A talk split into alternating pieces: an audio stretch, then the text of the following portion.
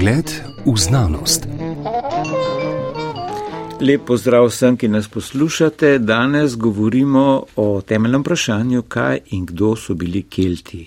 To je, se mi zdi, vprašanje, ki si ga je nemalokrat zastavil vsakdo, ki je hotel razumeti pomen različnih ohranjenih pisnih označb skupin plemen od antične grške keltoji do kopice ostrajnih iskanj izvora v obdobju nastajanja predstav o evropskih ljudstvih 19. stoletja. Današnji gost, ki bo govoril o tem, je kusto za prazgodovino v Narodnem muzeju Slovenije, arheolog dr. Boštjan Laharnar. Pozdravljeni. Lepo pozdravljeni. Za to, da se naj bo slišalo, skrbi Žiga Žižek, pred mikrofonom pa sem Goran Tenze.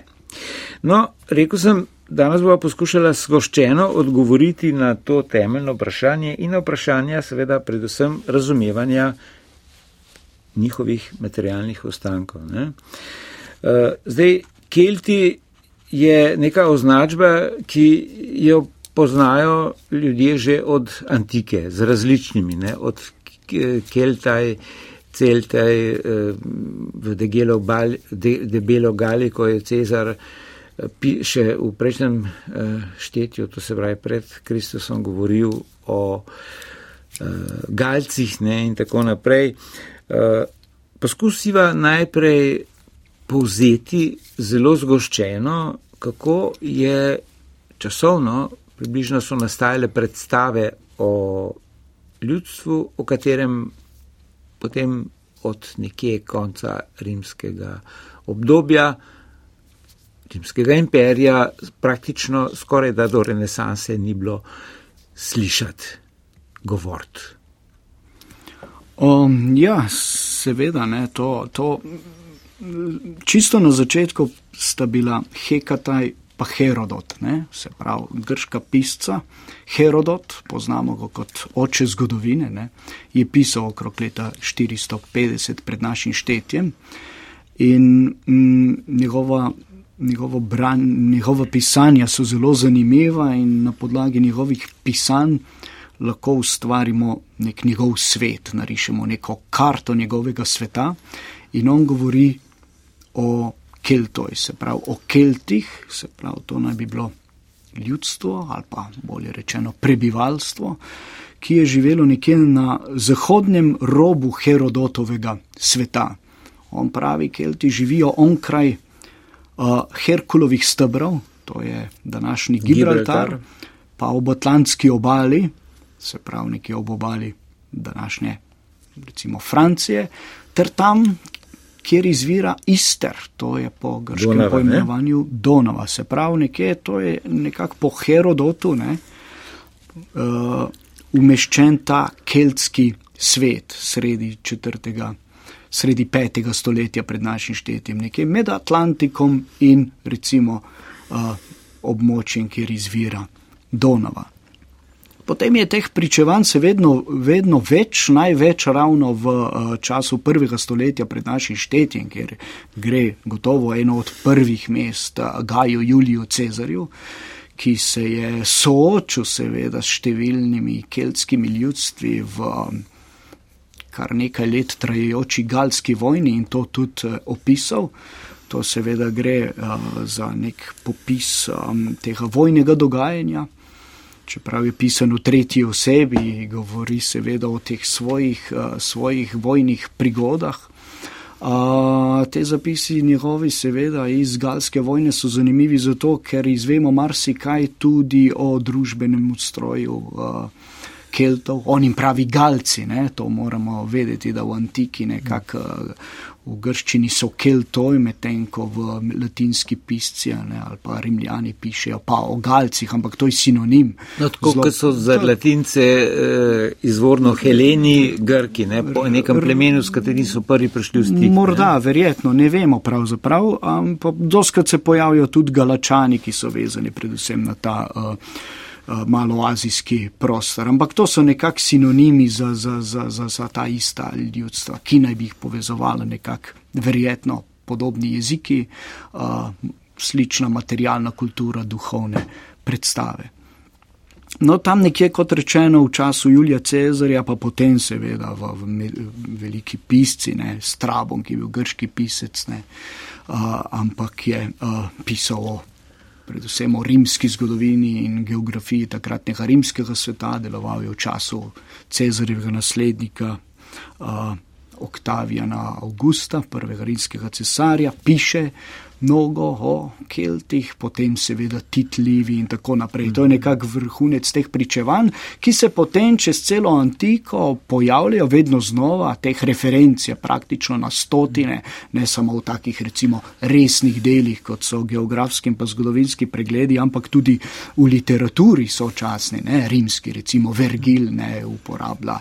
Uh, v njihovih delih nastopajo Kelti, v, ta, Kelti v taki in drugačni konstelacij in potem do nekak zadnjih omemb pri krščan, zgodnjih krščanskih piscih, kot je recimo Tertuljan, ne, se pravi tam tja do 4.5. stoletja našega štetja in potem tej zapisi uh, pač. Obstaja še en zapis, ne Galačani, ne, torej neka skupina, ki ne bi šla pač v Malo Azijo, mm -hmm. ker v samem svetem pismu je Tako, ja, to, rubrika to. pisma Galačanov. Tako ne, to je, ne bi bili. Slavna pisma apostola Pavla, apostola Pavla ne, Galačanom, Galačanom, ko govori o tem, kako mm. so se no, Galačani vrnili svojim prvotnim bogovom, čeprav jim je on prikazal pravo vero. Ja. No, in potem za dolgo stoletji nekako uh, ni vero, ne? pač tudi v uh, srednjem veku nekako ni zaslediti, ne? uh, takrat seveda ni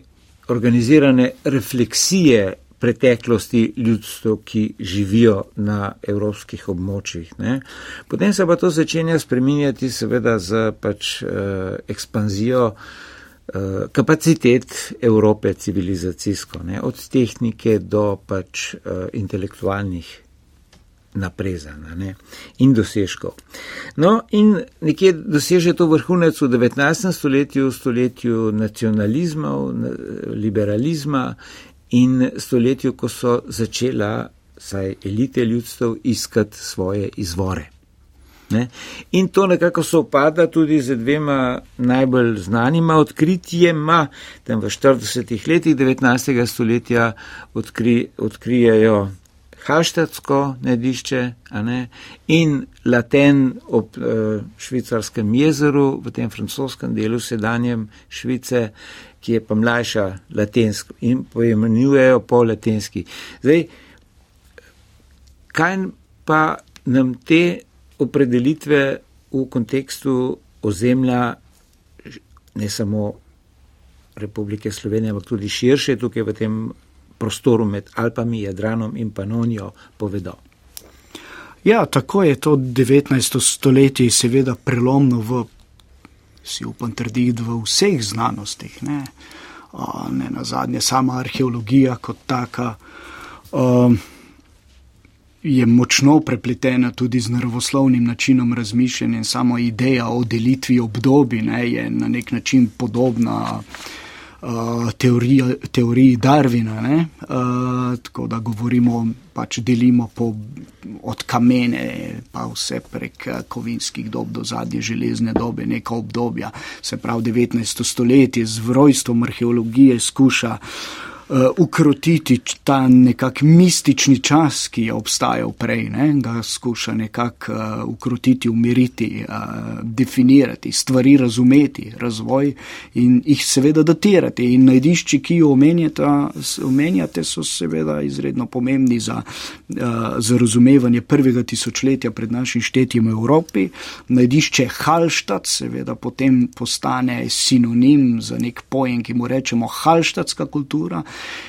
in um, se povezuje predvsem s temi zgodnimi stoletji starejše železne dobe, nekje danes govorimo nekje med 8 in 4 stoletjem pred našim štetjem, medtem ko to najdišče Laten, ki so ga odkrili kasneje, ne, uh, znotraj 19. stoletja, ampak že takrat so razumeli, da najdbe v Latenu, ne, ob Navšatelskem jezeru, v današnji Švici je to ne, izredno bogato najdišče. Uh, s številnimi najdbami, da te najdbe so drugačne od tistih v Halštatu, predvsem so pa to že takrat razumeli tudi, da so mlajše kot tiste v Halštatu, kar je seveda potem ta, to najdišče postalo sinonim za tako imenovano latensko kulturo, ki nekako sovpada z zadnjimi stoletji železne dobe, nekako z, z obdobje med četrtim in prvim stoletjem pred našim štetjem. In seveda, ker prej omenjeni Herodot nekako že v petem stoletju omenja na prostoru, ki smo ga definirali v Zahodnji Evropi in centralni Evropi, seveda eh, Kelte, je potem nekako znanost te materialne kulture, to materialno kulturo zadnjih stoletij povezala z njimi. Tako da zelo zakorenjeno še dan danes je seveda to enačenje na eni strani eh, obdobja, se pravi mlajše železne dobe, se pravi časa med četrtim in prvim stoletjem pred našim štetjem z latensko kulturo, nosilci katere naj bi bili kelti, kar vodi marsikdaj do danes nekoliko napačnih tes, ne, ko najdemo nek značilen meč iz tega obdobja, da je to sedaj keltski meč. Ne? Ampak, podobno ja. kot so našli ja. eh, neke islamske novce iz 7. ali 8. stoletja nekje v Skandinaviji, ne? kar seveda govori o prepletanju trgovskih prepletanju ali pa o plenu.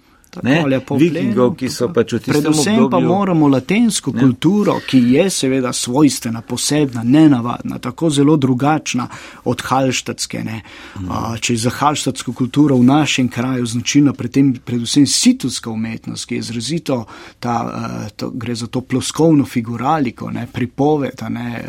ki se zgodi na tej okrašeni bronosti poločevini, tega v bistvu laten ne pozna, ne? figuralika praktično izgine, oziroma se ta figuralika na en tak nenavaden eh, način skrije v uh, neko nenavadno ikonografijo, tako značilno, ne, polno nekih uh, prepletov, uh, stilizirane figuralike in rastlinskega, recimo, okrasja. Ne, tako da te tri skelesi prepleti, rastline, neke zmaj in tako naprej, in ta neka obsedenost z glavami od figuralike pravzaprav ostanejo sanjše glave.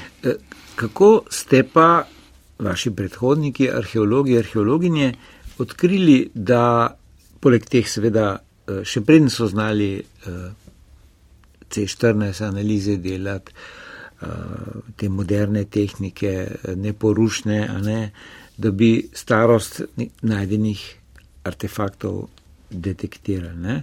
Kako ste vedeli, kaj se je zgodilo, da je mhm. prišlo do te, kar zdaj za nazaj, ko gledamo, razumemo kot razlika med starejšo železno dobo, haštatsko uh mhm. -huh. in latensko mlajšo do prvega stoletja, do prihoda uh mhm. -huh. Rimljanov.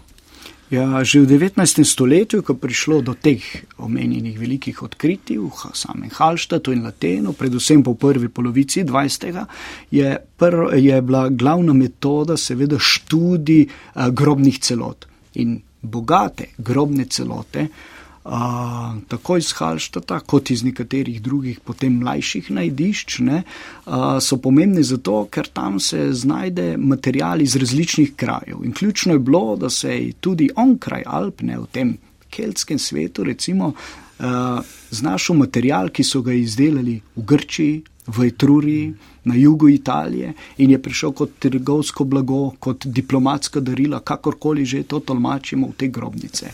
In potem, ker so eh, arheologi, umetnostni zgodovinari zelo dobro, kmalo znali uh, kronološko ločiti sekvence izdelave, recimo grške, atiške keramike, vsi vemo.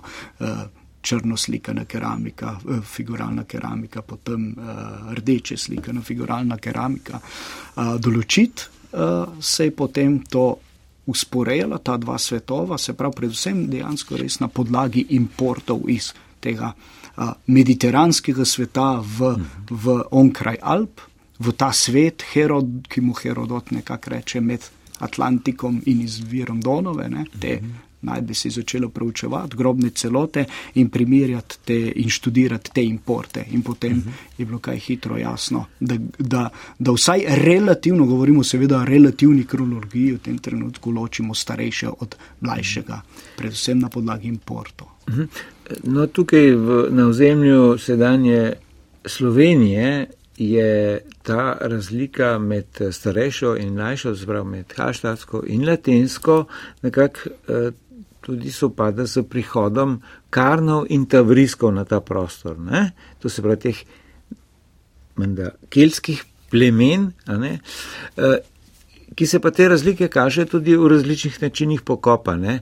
Zdaj v vaši knjigi, ki je izšla lani, ki je v bistvu posodobljena doktorska dizertacija o eh, svetu med uh, antiko in sre, zgodnjim srednjim vekom, torej do konca antiko. Skratka, v prvem tisočletju, a ne pred našim štetjem, in nekje do konca obdobja antike, sredi prvega tisočletja našega štetja, na notrenskem, ne, omenjate, da se je izkazalo, da obstaja neka razlika v okviru ozemlja te države, naše sedanje, v pokopih, da je Zahod je imel žarne pokope, vzhod pa gumilne, čeprav se te stvari vedno ne pokrivajo. Ne? Ja, gotovo. Ta način pokopa je nekaj, kar zelo uh, vznemirja arheologe. Dosti krat uh, vidimo v teh. Uh, Na podlagi načina pokopa sko, skušamo definirati neke posamezne skupnosti. Ne? In nekakšna zgodovina, recimo med koncem drugega tisočletja pred našim štetjem, pa skozi prvo tisočletje pred našim štetjem, taka, ne, da nekako pozna bronasto doba, kultura žarnih grobišč, imamo neki enoten svet, kjer vsi se žigajo svoje umrle in jih pokopavajo. Potem nekje v starejši železni dobi, se pravi med 8 in 4 stoletjem, pred našim štetjem, se v Sloveniji ustvarijo te diferencijacije na podlagi uh, načina pokopavanja. Če, če zelo posplošimo, potem lahko rečemo, da se Slovenija nekako deli na dve polovici.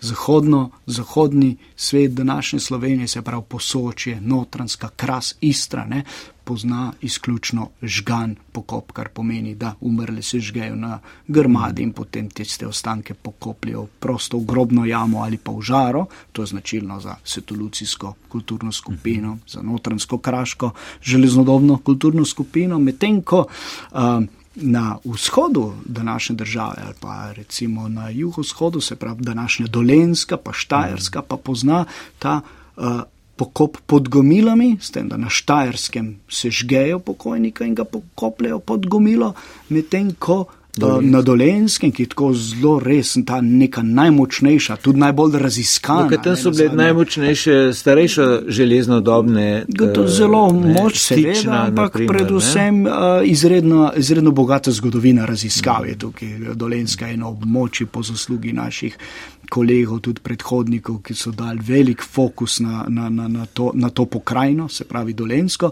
Tukaj je pa jasno, da imamo pokop celih trupel, jih ne sežigajo umrle in jih po, ponovno pokopavajo pod gomilami, kot je recimo gomila.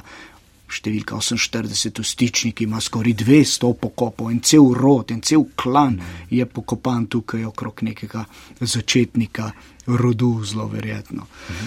Da, in seveda to je tista neka naj, pri nas je halštatska kultura, je oboje, tako žgan kot skeleten pokop. Mi te halštatska kultura pri nas je povezana s tem, kot rečeno, zgodnjimi stoletji železne dobe. Uh kaj pa sem zasledil, torej uh, tam dobrih deset let nazaj je bilo nekje v Kobaridu, to se pravi na zahodu Slovenije, najdete en tak um, grob, kjer je pokopanih kar ne sedem ali osem konskih okosti in neki pridatki bojevnikov in tako. In ne bi bilo to presenetljivo za tisti konc. Zakaj? No, in tista slika, o kateri sem prej govoril, je nekakšna slika, ki še velja v četrtem stoletju pred našim štetjem, okrog leta 300 pred našim štetjem se pa začne vse spreminjati.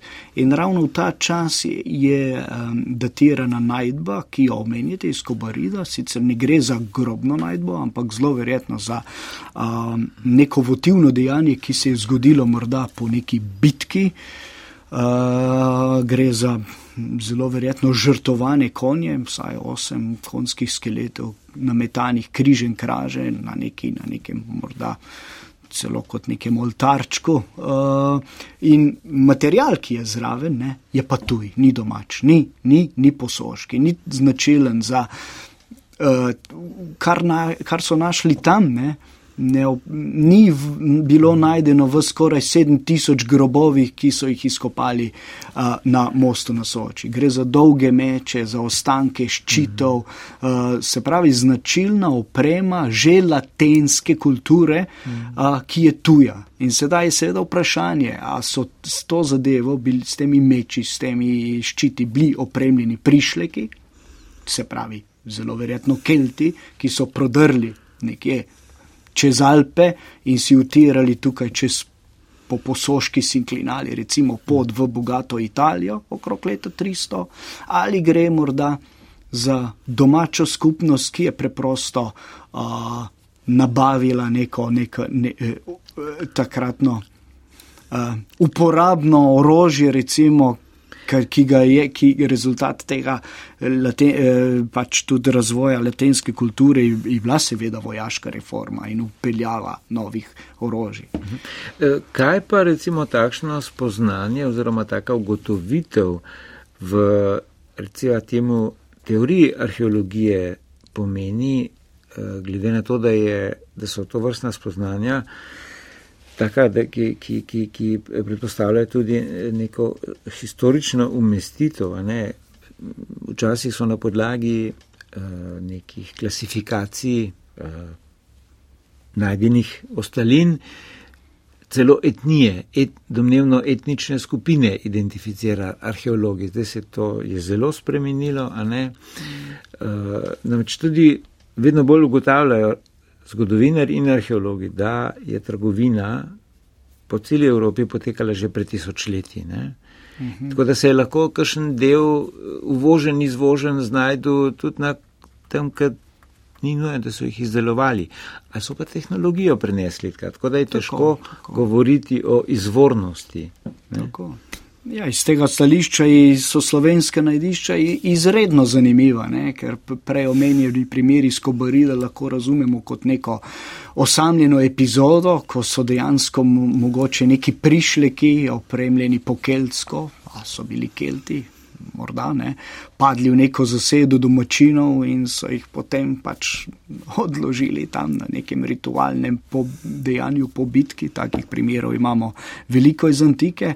Um, zanimivo je seveda potem o preomenjenih drugih halštatskih skupinah v Sloveniji, ne, seveda Štajerska, ne, ki nekako že nekako propade zaradi različnih vzrokov že okoli leta 600 in je potem v tem obdobju nekje do 300 pred našim štetjem bila praktično nenadzorovana, nekontrolirana in tukaj dobivamo zelo prepričljive sledove te, ki jih povezujemo z zgodnimi kelti, ki so se očitno naseljevali iz severa in vzhoda v ta prostor. Medtem ko Dolenska, ki je bila tako zelo bogata, tako zelo močna, ki je poznala situsko, situsko umetnost, pokope pod gomilami, mogočna gradišča, spomnimo se novo mesto, stična, vse to. Ne. Tam zadeva ni tako jasna, čeprav v zapisu vidimo, ne, da ravno enkrat sočasno, kot imamo tisto kobariško najdbo, se spremeni grobni ritual. Stoletja pokopavajo cela trupla pod gomilami, potem pa se to konča in začnejo se žigati, ampak ne ustanavljajo novih gradi, eh, eh, grobišč, tudi, ampak zelo zanimiv je fenomen, da se tudi na starih pokopajo. Grobiščih, na starih uh, krajih mrtvih, ne, začnejo te pokopi sežgani. Sedaj, kako to razumeti in zamenja se seveda materialna kultura, vsi začnejo uporabljati keltsko oborožitev. Zdaj, ali to pri, pomeni prihod novega ljudstva ali kulturno reformo uh, avtohtonega prebivalstva. Doktor Boštjan Laharnar, eh, žal nama že maha, da morava končati tale pogovor. Ugotovila sva, da arheološka spoznanja so plot eh, nekje ugotovitev dobe, in seveda tudi različnih eh, interpretacij. In eh, ena od mogoče ne dovolj izpostavljenih spoznanj pri arheologiji je, ne, da spoznanja niso dokončna. Ne? Je, tako je. In eh, nekaj sva povedala o Keltih, ne, eh, konkretno nedavno ste imeli predavanje v okviru pač nekih pedagoških dejavnosti Narodnega muzeja Slovenije, kjer delate, kjer ste kustos za prazgodovino in eh, prav o Keltih je šla beseda. No, upam, da sva zdaj saj nekaj tega predavanja povzela. Hvala, da ste prišli v študijo z, v, na pogovor, ki sem ga povezoval Goran Tenze. Hvala za povabilo.